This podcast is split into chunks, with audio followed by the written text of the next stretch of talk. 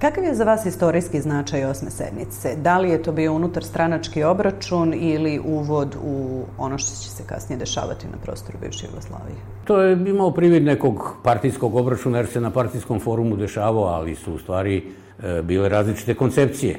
Mada ja lično mislim da pobednička ekipa nije zapravo uopšte imala koncepciju sem da dođe do vlasti. Nismo ni mi poražene snage baš uspevali da dobro vidimo koliko će to ići nizbrdo, iako je većini bilo sasvim jasno da to takvim putem nema izlaza, to se ide u Ćorsokak sasvim sigurno, sa velikim rizicima.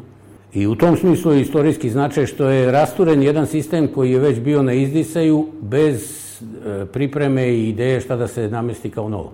I onda su pušteni svi, svi sve guje i gušteri ispod kamenja pa se napravilo što se napravilo narednih godina. Znali ste se i sa Stambolićem i sa Miloševićem i radili ste zajedno?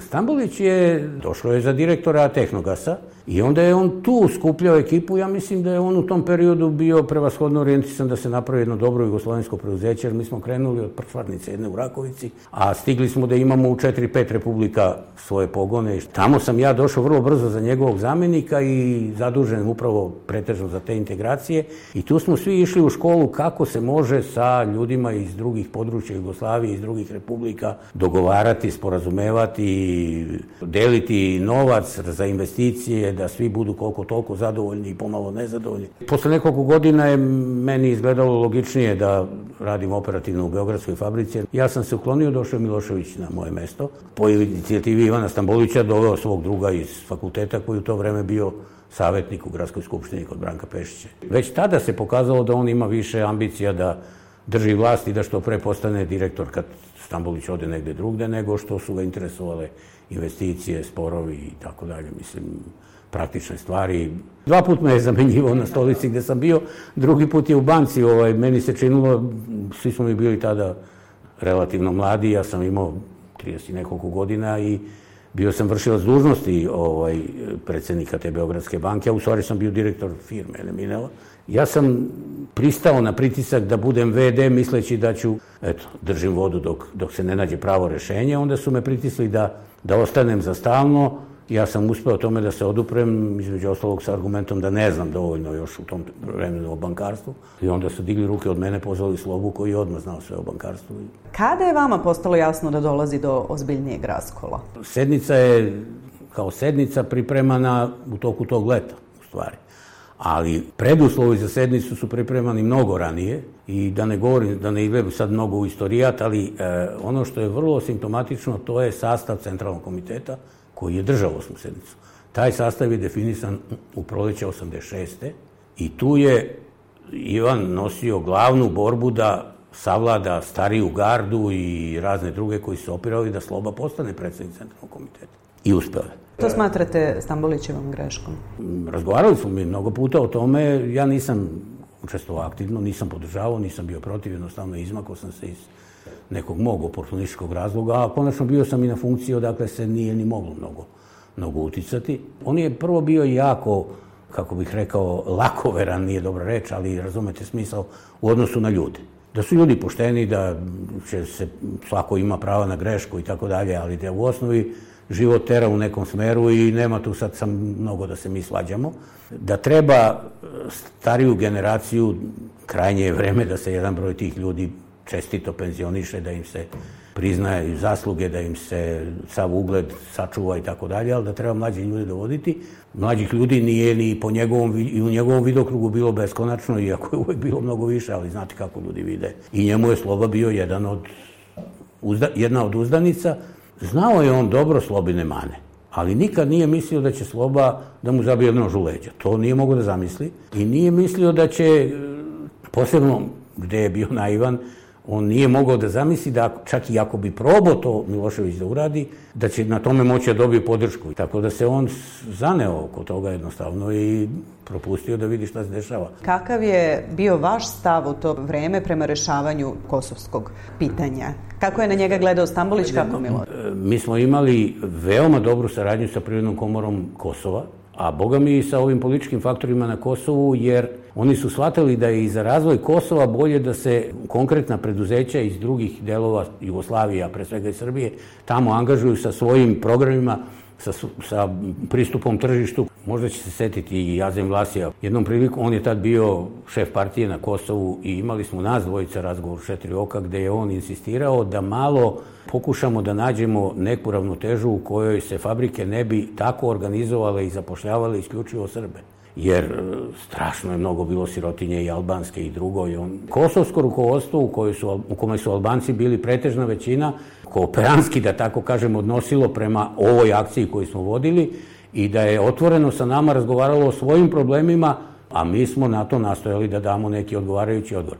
Paralelno s tim je išla politička atmosfera, da tako kažem, i to je zbog nagomilanih problema raznoraznih na Kosovu, Srbi su se iseljavali, prodavali imovinu i kad treba i kad ne treba i kad su pod pritiskom i kad hoće da zarade i slično. Nacionalisti albanski su imali očigledno jedan agresivan pristup, a u Srbiji su nacionalisti to isto vrlo dobro koristili kao eto oportunističko rukovodstvo u Srbiji ne vodi računa o Srbima na Kosovu, ne vodi računa o Kosovu. To se spočitavalo nekom Stamboliću, nekom Čkrebiću, nekim ljudima u, u vladi Srbije. Stvarala se jedna atmosfera u, u kojoj je trebalo nešto preduzeti energično da se, što bi rekao pokojni Buca Pavlović, trebalo je obećati brzinu.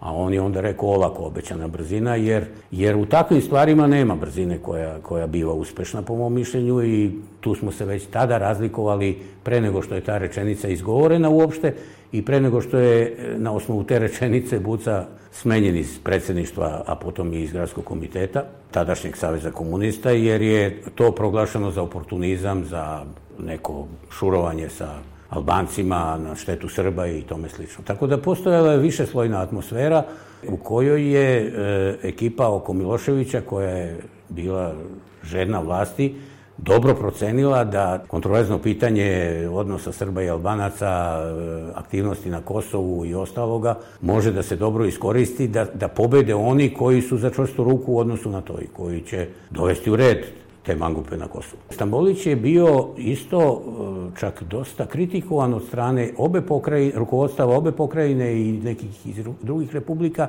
što previše e, forsira Srbiju i Srbe. Ali je njegova ideja bila da se nađe rešenje. Bio je pripremljen nacrt izmena i dopuna ili novog ustava Srbije u 87. godini. U prvom polgodištu te godine se intenzivno na tome radilo i postignuta je saglasnost o bitnim tačkama sa kosovskim rukovodstvom, ali ne sa vojvođanskim. E, interesantno je da je to došlo do pred kraj i verovatno da se krenulo još malo tim putem, našlo bi se rešenje u kome bi se nešto i Vojvođanima izišlo u susret gde su oni bili zapeli, a nešto bi verovatno oni prihvatili i onda bi se ovaj došlo do tih izmena. Međutim, došla je osma sednica na kojoj o tome nije bilo reči. Nije se moglo složiti da se sad, eto, pregovara i u pregovorima postižu neka sporazumna rešenja, a istovremeno treba stisnuti tu i boriti se za Srbe. Onda tu su, nažalost, neki događaji su pomogli ovim nacionalistima, ono ubojstvo u Paraćinu, vojnika. Nije bio po nacionalnoj osnovi izdašen. Pa svejedno, ali...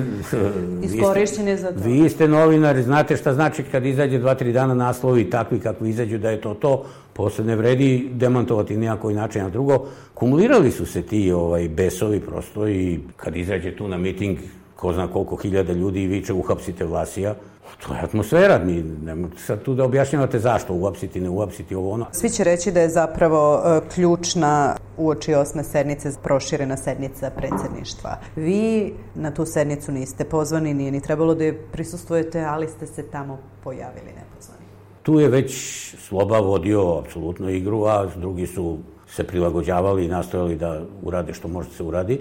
Ono je trajalo dva dana, jedne večeri, valjda petak i drugog dana subotu, ceo prepodne, mislim da je tako bilo. Ja nisam bio pozvan na to, ali to trebalo je da budem pozvan, ali pošto je Sloba znao moje stavove, on je jednostavno pravio spisak ko će biti pozvan. Međutim, ja sam se odlučio da dođem i da, jer je i meni, a tada je već bilo i drugima jasno da će to predsedništvo biti vrlo odlučujući trenutak za neko razjašnjavanje ko pobeđuje, ko gubi. S tim što i ja sam kao i Ivan mislio da ako mi pobedimo, da tako kažem, da to neće biti takav obračun sa protivnom stranom, nego će oni morati da se koriguju, da se neko mora malo pomeri privremeno i tako nešto. Idemo dalje. A oni su imali drugu koncepciju i pobedili su tu, ali su pobedili za jedan, dva glasa, ja ne mogu sad tačno se setim, to je... Za jedan. Za da. jedan, jedva je ovaj bila... A koja je bila tema, samo da podsjetimo one? Koliko se ja sećam, Kosovo je u osnovi bila tema i naš, naša odlučnost prema Kosovu i oportunizam gradskog komiteta i Buce Pavlovića i tako dalje. U suštini, te večeri u petak je izgledalo da Sloba ostaje u manjini bez obzira kako je to sve išlo, međutim, ovaj, onda je Mitević sutra ujutro došao sa čuvenim pismom Stambulićevim poslanim gradskom komitetu i predstavio ga kao diverziju u odnosu na partijsku disciplinu i tako dalje i to je Ja mislim da je to napravilo preokret, naravno nije to Mitević radio sam, ni samo inicijativno. Nekoliko dana kasnije je bio, bila osma sednica, ali na osmu sednicu je već dolazilo predsedništvo i referat sekretara sa tim i tako dalje. Da li je na vas vršen pritisak pre osme sednice ne. ili vas zvao neko? Ne. Mada ovo što ću sada ispričam možda i demantuje, ne znam. E, ja sam se, znači, e, kad je počela, a počela osma sednica referatom Zorana Sokolovića i sasvim drugim političkim temama, a ne investiranjem na Kosovu, ja se prijavim za reč, sedim pored Buce, namerno ovaj, u sali, da me slikaju pored Buce. I, ovaj, iako je tu već bilo jasno da mi gubimo, ali već je termin poražene snage bio u optica i tako dalje, ali rekao, ajde baš. A i mislio sam da ćemo biti tri godine poraženi, pa, pa će oni biti poraženi. Nisam dobro mislio. I ja se prijavim za reč, prijavi se još jedno 15 ljudi, pa pauza, pa se prijavi još desetak, meni nema reči. Prođe ceo dan, bude ta svečana sednica, ono i negde već pred kraj sednice, ali to je već bilo odjeci reagovanja, telegrami podrške, mislim, stvorila se jedna atmosfera kafanska. I mene Sloba zovne na pauzi, priđe mi pola i zove me, ja, šta je Slobo? Ajde, kaže, odustani od diskusije. Što da odustani? Pa ajde, kaže, nemoj da vršiš političko samoubistvo. Pa ja mu kažem, Slobo, prvo, otkud ti znaš šta ću ja da govorim? Eh, ja ne znam šta će ti da govoriš, sve mi je jasno. Najpametnije što možda uradiš, poslušaj me, kakvu tu pa, hartiju, ja te neću prozvati, ideš za nekog saveznog ministra, pomoćnika, ovo ono, proći će dve, tri godine, vidiš da smo pobedili, ja mu tad kažem, vidim da ste pobedili, a ti meni daj reč, pitaću te ja za tri godine ko je pobedio. Jel tako? Tako i čovjek mi da reč. Ja izvršim političko samoubistvo. Onako, sarkastično sam govorio više nije imalo smisla. Čim počne čovjek da govori, ako ne daje podršku, odmah počnu zvižduci i tako dalje. Eto, tako da zadovoljim su, eto, na zapisnik sam nešto rekao, ali moram da budem pošten, Sloba mi je ponudio častan izlaz. Mnogi će reći da osmoj sednici ne možemo da pričamo, a da ne spomenemo memorandum Srpske akademije. Doživio sam ga kao jednu od manifestacija tog srpskog nacionalizma koji treba da izvrši pritisak s jedne strane na srpsko rukovodstvo da zauzme oštri stav u korist Srba protiv svih drugih i kao, kao veliku opasnost jer mi je bilo potpuno jasno da će I ta priča, kao i posle ono što je dolazilo, jedan čovek, jedan glas, pa granice su administrativne, pa opona. Mislim, mi smo svi u školi učili da je Jugoslavija moguća samo kao federacija, posle smo se naučili da je verovatno moguća kao konfederacija. Ali kao unitarna država Jugoslavija, to je potpuna besmislica. Jugoslavija je mogla da ostane kao zajednica, nije mogla drugčije. E, a memorandum je izvlačio temelje takvoj zajednici. Kao ono kad su počeli, setili se grupa Srba, pa nose mošti po Bosni i to po mogućstvu sve po muslimanskim selima, neke, nekih nesretnika koji su iskopali posle 50 ili 100 godina iza ne znam kog rata i tako dalje. I naravno, ovi ljudi zaključavaju vrata, plaše se. Sutra i oni izvode neke mošti pa nose i oni tako se rastura zemlja. E sad, ono što sam se zatekao nekoliko puta, trojni razgovor Milošević, Stambolić i ja o memorandumu. Ja sam tu uglavnom čuto ili sekundirao Stamboliću, A Milošević je objašnjavao kako, zašto mi pravimo pitanje i svađamo se s akademijom, ona je nacionalna ustanova, ma to će sve proći, ma nije bitno. On je izbegao, to je sve bilo pre osme sedmice, naravno. On je izbegao, ali i neposredno pre osme sedmice, on je izbegavao, a Ivan je stalno tražio, ama daj nek centralni komitet se odredi prema tome, pa nemoj da vrdate, pa to ne može tako da prođe, pa svi nam zameraju iz svih republika i pokrajina, ne možemo, nije, nije prihvatao sloba. Sama osma sednica je bila na neki način preuzimanje te politike, jer je, jer je srbovanje tu došlo najviše do izražaja. Ja spadam u one Srbe koji sam mnogo puta zadnjih 20 godina došao do toga da se stidim što sam Srbin. Ne da se stidim što sam ja Srbin, nego stidim se što se u ime Srba i Srbije to radi što se radi. Nisam sam vas pitati o odnosu drugih e, republika prema osmoj sednici. Republike su isto bile u previranju u svojim mukama, svuda je bilo besparice, bili smo se malo i onako opustili prethodnih 10-20 godina, živjeli lagodno, pa došla teška vremena, te nema benzina, te štedi se na par nepar, te e, ovakav klep, te ovako zaduž... Mislim, teško vreme je došlo, a nisu ljudi generalno bili dovoljno pripremljeni da se i kroz to može proći. S druge strane, već su u velikoj republike bile države, da tako kažem, više nego što bi bila konfederacija faktički, tako da su svi tražili svoja rešenja, istovremeno ako mogu malo i da čopnu od federacije, a to znači od svih drugih. A gledalo se na Srbiju jer je ipak Srbija najveća republika bila i Srba je bilo i u Hrvatskoj, i u Bosni, i svuda drugde, i na Kosovu. Tako da sve što se dešava u Srbiji, i u Crnoj Gori, sve što se dešava u Srbiji imalo je ozbiljne reperkusije već u to vreme, pre osme sedmice, da ne kažem posle. I rekao sam već da sam imao prilike da učestvujem u tim razgovorima koje smo vodili sa drugim republikama, jer nekako smo doživljavali to, taj jugoslovenski vrh kao isto dosta oportunistički, neoperativan, neangažovan. Nekako su se oni svi našli u prevelikim čizmama posle Titove smrti. A onda od ogovaranja njih i nekog čekanja šta će da urade nije bilo vajde. Morali smo da radimo i sami i da stražimo neke dogovore sa republikama i moje iskustvo je da su ti dogovori mogli biti, bivali uspešni u nekim stvarima i mogli biti uspešni i, i, i da se tako nastavilo, a kad smo se mi uzjugunili i, i kad je najveća republika počela proklamuje razne stvari koje u suštini okrenio brni vode na unitarističku Jugoslaviju, onda su se poplašili, a onda su dobili krila njihovi nacionalisti, da sa tim argumentima svoje građanstvo i svoje ljude isprepadaju još više. Jednostavno, dali smo povod da se Jugoslavija rastura, ako je već nismo sami rasturali. A posle osme sednice smo i rasturali, sećate se. Mi smo prvi u Evropi uveli posle drugog srpskog rata embargo, Slovencima. Mi i Srbi.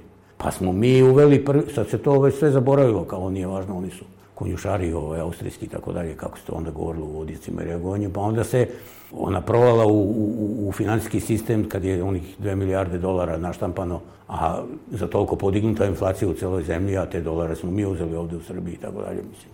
Nacionalizam je rastorio Jugoslaviju, ali je, kako bih rekao, mislim da je Latinka Perović to jedno, jednom rekla, ako jeste, ako nije, jedno, ja to mišljenje delim, ovaj, da je jedino srpski nacionalizam imao moć da je rasturi. Ostali su mogli da se nekako suzbiju, aj da tako kažem, ukupnom akcijom svih. Sad se vraćam na vaše pitanje da bi bio korektan.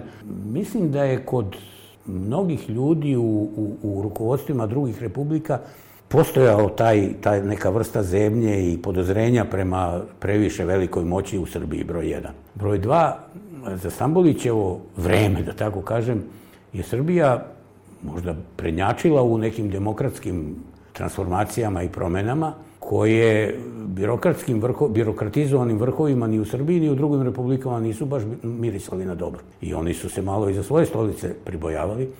I svi njima je u stvari odgovaralo da se malo ta demokratska Stambolićeva struja e, priguši i da malo sačeka neka druga vremena i da drugčije radi.